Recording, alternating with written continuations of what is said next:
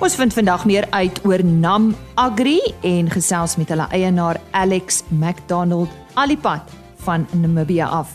Dan uh, praat ons ook met die voorsitter van die Droughtmaster Beestelersgenootskap Gert Barnard oor hulle veiling en die eienskappe van hierdie unieke beesras. Chris Derksen staan gereed met uh, ons nuutste vleispryse en soos altyd is Johan van der Berg ook op sy pos met nuus oor die weer. En dan, geen moderne boerdery kan sonder eksterne finansiering uitbrei en gedei nie. Maar daar is 'n paar slaggate en ons gesels met dokter Louis de Pisani, hy is 'n onafhanklike landboukonsultant juis hieroor.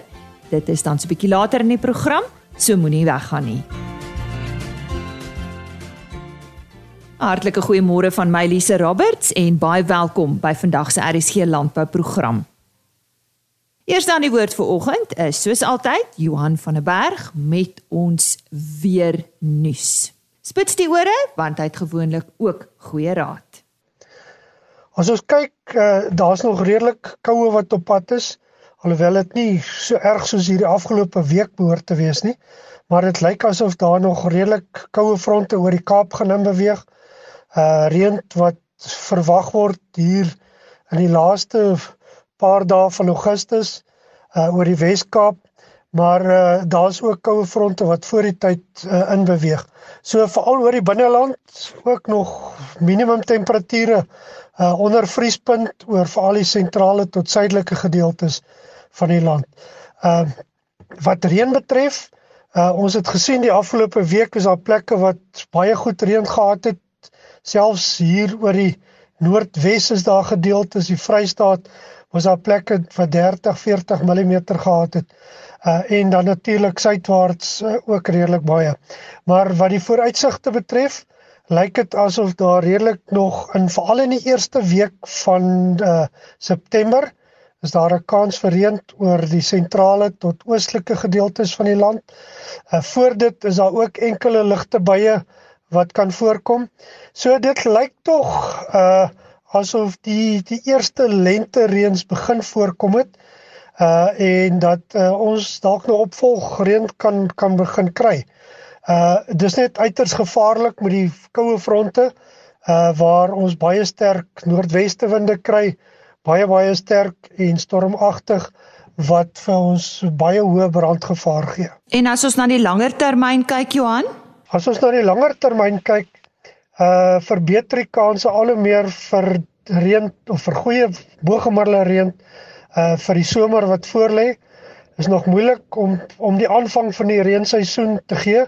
Soos ons genoem het, dit lyk tog asof daar al 'n uh, begin van uh die somerreën of die lentereën voorgekom het en dat hier opvolgreën kan begin kom, maar uh die groot reën oor die somerreënvalgebied uh behoort maar eers Oktober en veral November en later uh oor die meer westelike gedeeltes voor voor te kom. Wat die winterreënvalgebied betref, nog reën vir die eerste of die laaste deel van Augustus moontlik en dan ook vir die eerste deel van September.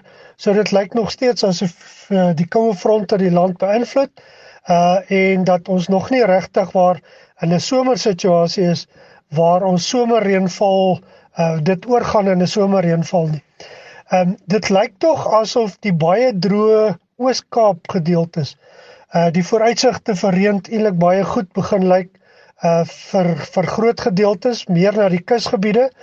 Uh daar het nog nie baie reën of veel reën uh oor die meer oor die binneland voorgekom nie, maar dit lyk tog asof daar uh reën gaan begin voorkom oor daardie dele en dan verder noordwaarts skuif uh na KwaZulu-Natal en later in September dan uh meer oor Mpumalanga en die gedeeltes weswaarts behoort uh, in te beweeg. So oor die algemeen gesien uh winter baie koud tot op hede veral dan uh die Julie en Augustus periode maar van die tweede deel van September af lyk dit of dit heelwat gaan draai. En so sê Johan van der Berg. Al die pad van Namibia verwelkom ek graag vir Alex McDonald. Hy is die eienaar van Nam Agri. Ons vind vandag meer uit oor hulle en gesels ook oor 'n veiling. Maar dis 'n veiling van 'n ander aard. Alex, ja, wie is Nam Agri? Uh, Nam Agri is eintlik 'n besigheid wat 'n uh, paar lyne van besigheid uh, het en ons is al vir etlike jare in die mark waarmee ons dan nou onsself nie besig hou. Een die groot gedeelte van ons is my eiendomme. Ek dink baie Suid-Afrikaners sal my ken oor die plase en die plase wat ek al ook aan buitelanders Suid-Afrikaners verkoop het en dan weer sy aard van die saak nou maar. Ehm uh, dan is ons ook groot in ehm uh, ontbossing. Ons het 'n agri-komponent eh uh, waar ons ontbossing doen in Namibië. Dit al bietjie in Suid-Afrika ook gedoen uh waar ons uh, korrels vervaardig en dan vliegtye het, helikopters het wat dan die spreiwerk doen. Daai tipe van ding dan is ek uh, langste wat ek is is seker maar die afslaarsbedryf. Ehm uh, ek het in 96 dae in Suid-Afrika gaan kwalifiseer as afslaer en tussen in Amerika gekwalifiseer, Kanada gekwalifiseer so. Ek het nog afslaer ook tussenin en uh ja, so dit is die goed waarmee ons ons nou maar besig hou ons vliegtye, helikopters soos ek sê ja, ons is maar in die totale landbouprent. So die ware toevoeging wat ons wil doen, wil ons oral se komponent hê. Jy weet, uh, ons het baie groot veilinge gehou. Ek het maar noem iets van die omgenietige twee veilinge het ek altyd gehou in Namibië. Uh ons nou gehad die buffels en die verkoop toe dit nog lekker was. So ja, dit is wat ons doen. Ons is in die landbou, ons is in die agribedryf en uh en ons hou ons besig met dit, ja. Julle hou binnekort 'n opwindende veiling. Vertel ons meer hiervan. Ja, ons het 'n ehm um, ek dink 'n baie mooi geleentheid.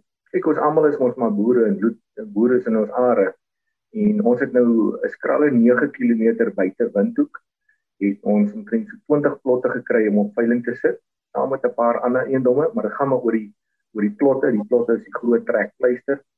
En uh ehm um, ons het gesien mense wil nie meer in die dorp bly. Ehm uh, so mense wil buite die dorp bly, rustigheid hê, die natuur, hierdie op 'n knop blyery is nie meer vir. Saam met ek uh, gaan Desember gewoonlik maar see toe en ek het gesien ook jou Suid-Afrikaners, ons het maar dieselfde kultuur. As jy sien hoeveel ouens kom visvang uit Suid-Afrika, dit in ons wat nog nie so hoë digtheid van mense het nie. Uh mense vra heeltyd vir my, Alex, kan ons nie ietsie daar koop by julle. Nou toe ons hierdie werk kry, wil ek net sê, eh, toe, toe sien ek myself dat ons die kopers wat ons moet kry is is is, is Suid-Afrikaners wat na ons broers is daarso en susters is daarso wat bietjie wil wegbreek en nie in Namibië miskien wil kom bly wat 'n uh, 'n 10 hektaar plot vir homself aanskaf en rustig daar bly en sê 3 maande van die jaar hier kom bly of of of hoe ook al die omstandighede is dit elke ou se omstandighede is wat maar So so dit is dit is wat ons nou in die hand het.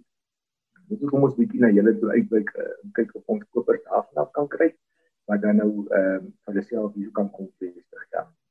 So wie's almal betrokke by hierdie veiling?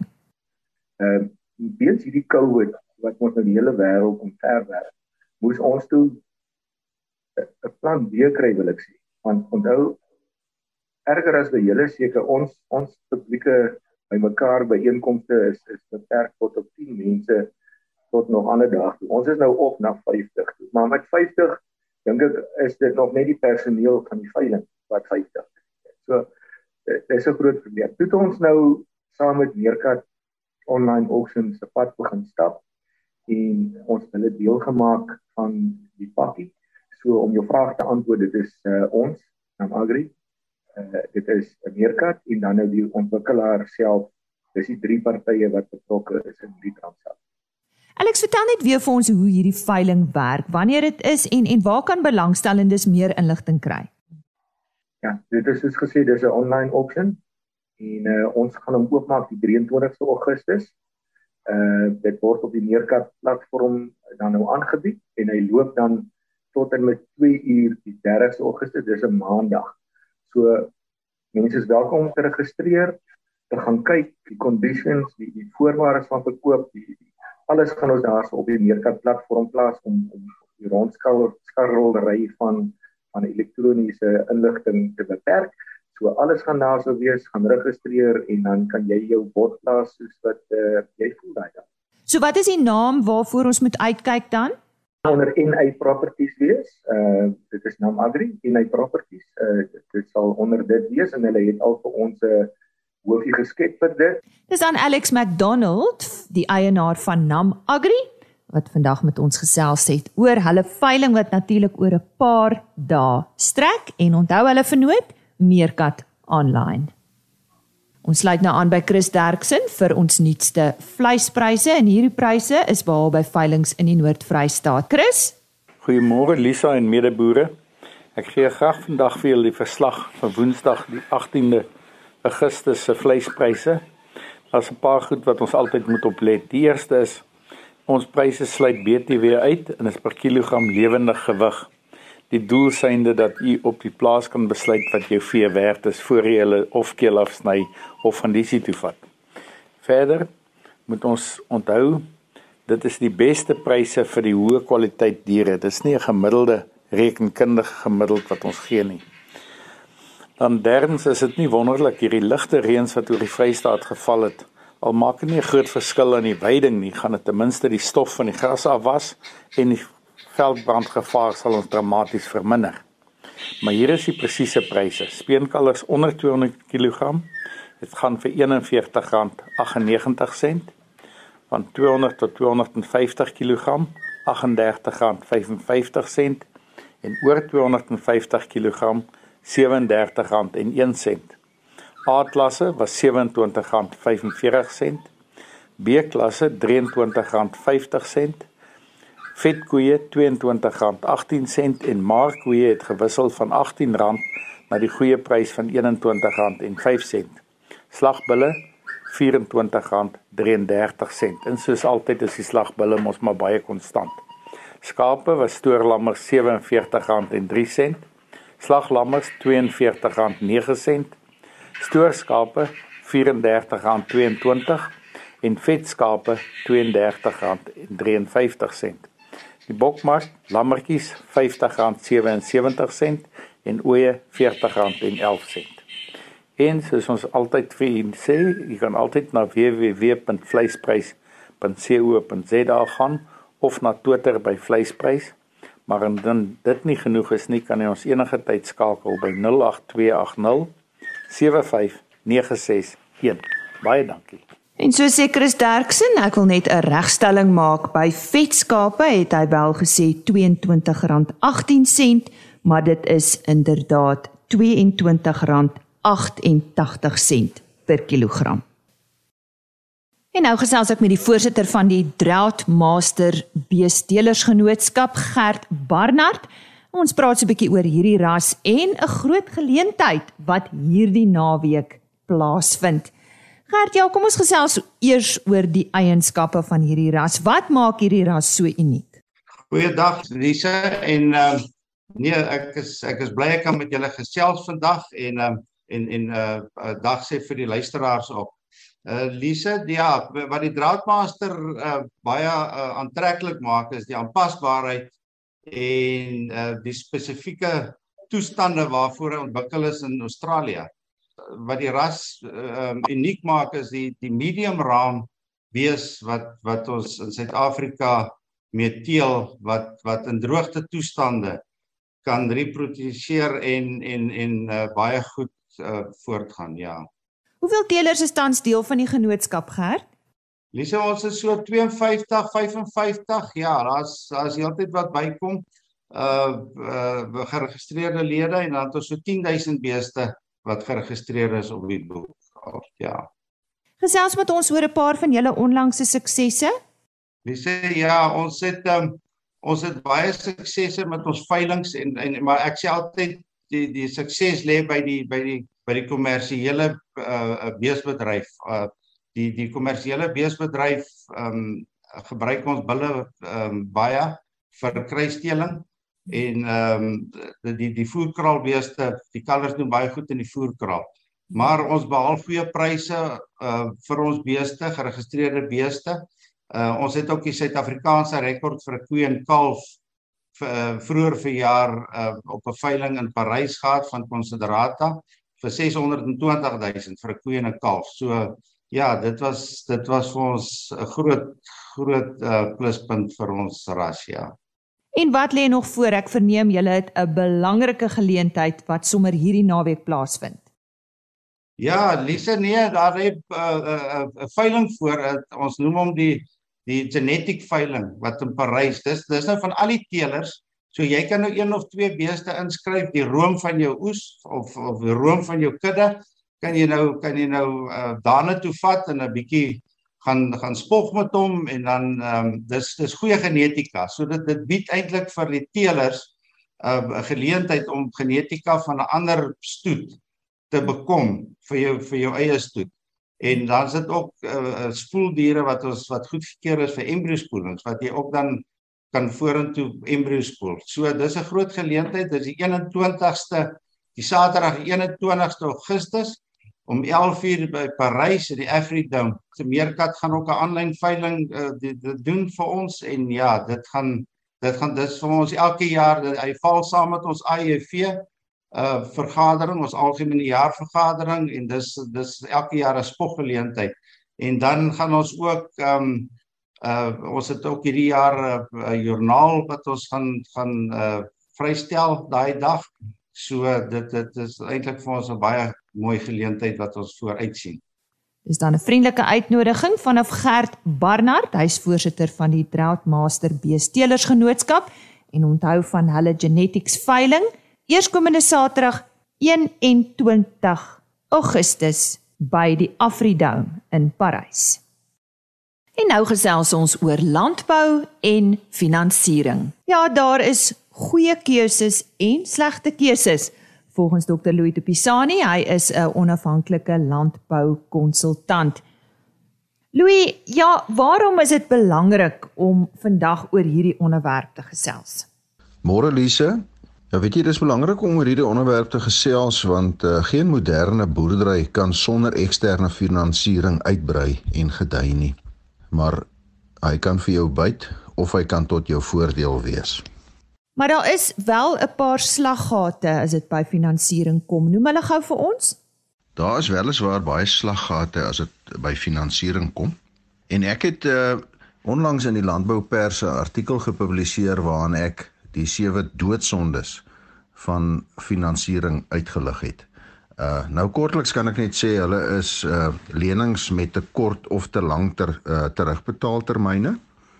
Die oor of onderkapitalisering op die plaas om skuld met skuld te betaal oor optimistiese verwagtinge van projekte, swak sakeplanne en dan uh om die geleenthede wat op 'n plaas is nie te benut nie en uh daai uitbreidings te doen tot voordeel van die plaas se uh, finansiële posisie nie en dan die ouer oue probleem van uh behoeftes versus begeertes.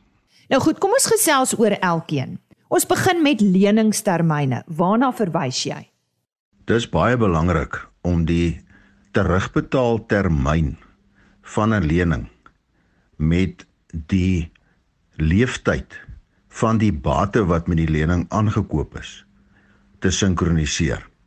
'n 'n praktiese voorbeeld daarvan is uh, wanneer 'n mens byvoorbeeld 'n trekker sou koop wat kom ons sê 'n leeftyd het van 10 jaar maar 'n leningstermyn het van 20 jaar.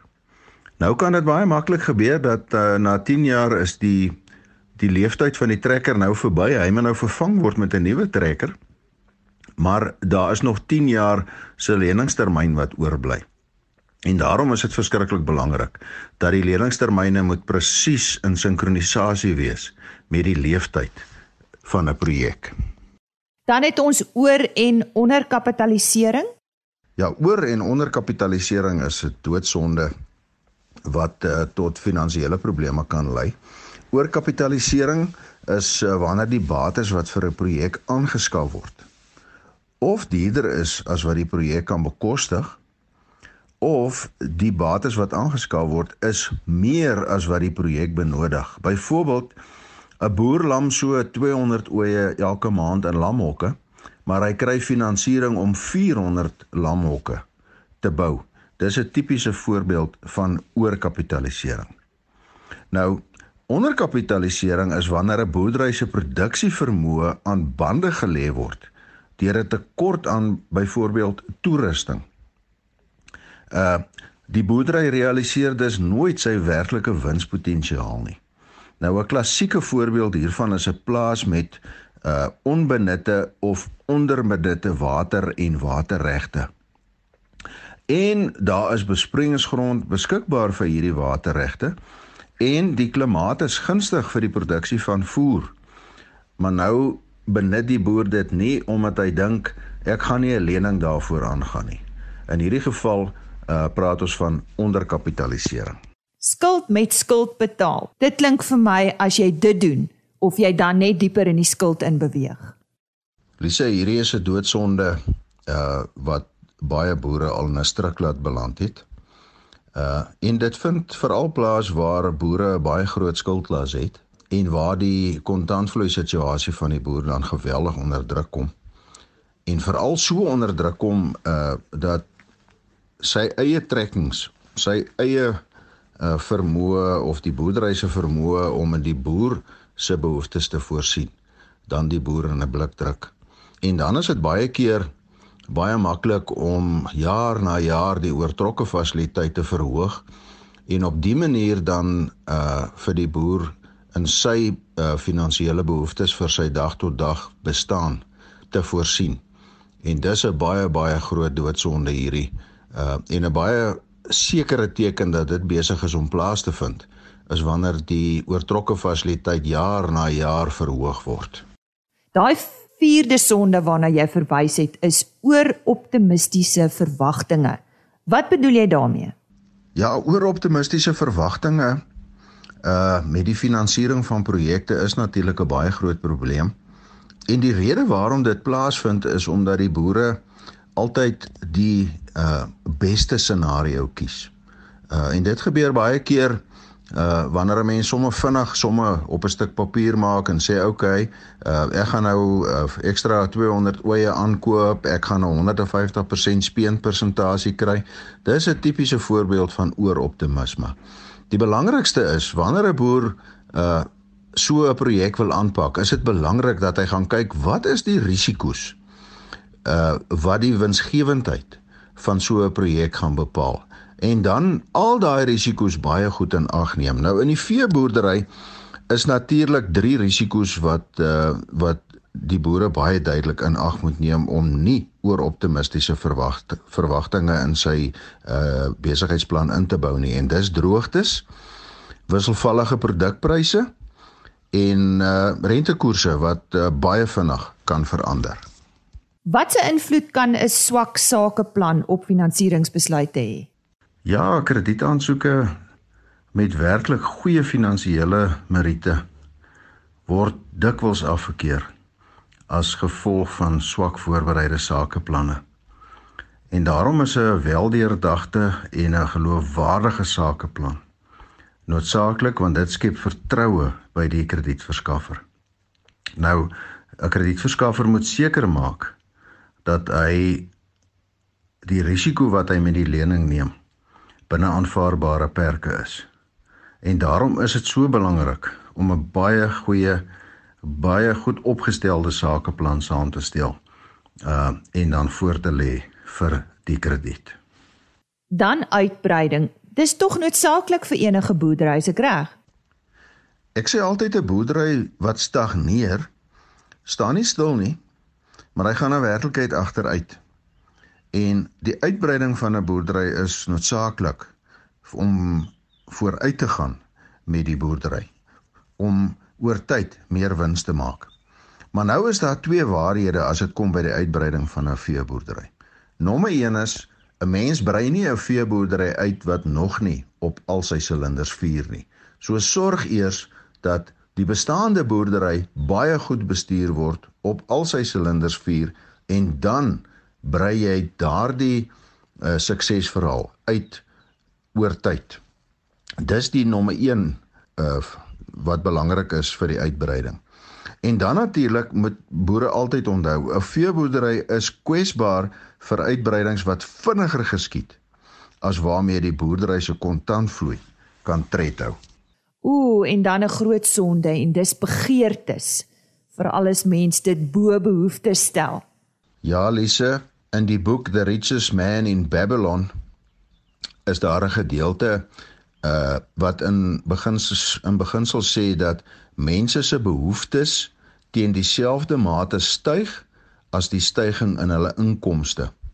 Nou in praktyk beteken dit dat 'n mens geneig is om die behoeftes en begeertes te verwar. En in veeboerdery is dit baie noodsaaklik om doodseker te maak dat die spandering aan 'n projek of die toerusting of enige iets anders wat uh, aangeskaf word gedryf word deur dit wat noodsaaklik is om 'n sukses te behaal om meer wins te maak en nie wat ander mense sal beïndruk nie. Louis baie dankie vir daardie raad. Indien uh, iemand jou graag wil kontak, wat stel jy voor? Soos ek reeds genoem het, het ek onlangs 'n artikel gepubliseer in die landboupers oor die sewe doodsondes van finansiering. Uh ek sal graag hierdie artikel met boere wil deel. So hulle kan my gerus kontak, dan sal ek vir hulle die artikel stuur want uh die doodsondes wat ons vanoggend oor gesels het word daarin uh in detail bespreek. Uh mense kan my kontak uh Lise op my e-posadres ldupisani@gmail.com. En so sê die onafhanklike landboukonsultant Dr. Louis Dupisani en net sy e-posadres dis ldupisani@gmail.com. Nou ja, so vlieg die weke verby. Dis alweer vir my tyd om te groet vir hierdie week. Baie dankie dat jy ver oggend saam met ons gekuier het vir nog 'n aflewering van RSG Landbou van my kant af, Maandag tot Donderdag om 5uur. Ons eh, webtuiste is www.agriorbit.com. Daar eh, word die onderhoude apart gelys of vir die volledige program rsg.co.za en dan ons e-posadres stuur gerus 'n e-pos. Dit is rsglandbou@plaasmedia.co.za. Geniet die warmer naweek glo ek wat vir ons voorlê iets om na uit te sien en laat dit net goed gaan. Tot maandag. Totsiens. RSG Landbou is 'n plaasmedia produksie met regisseur en aanbieder Lize Roberts en tegniese ondersteuning deur Jolande Rooi.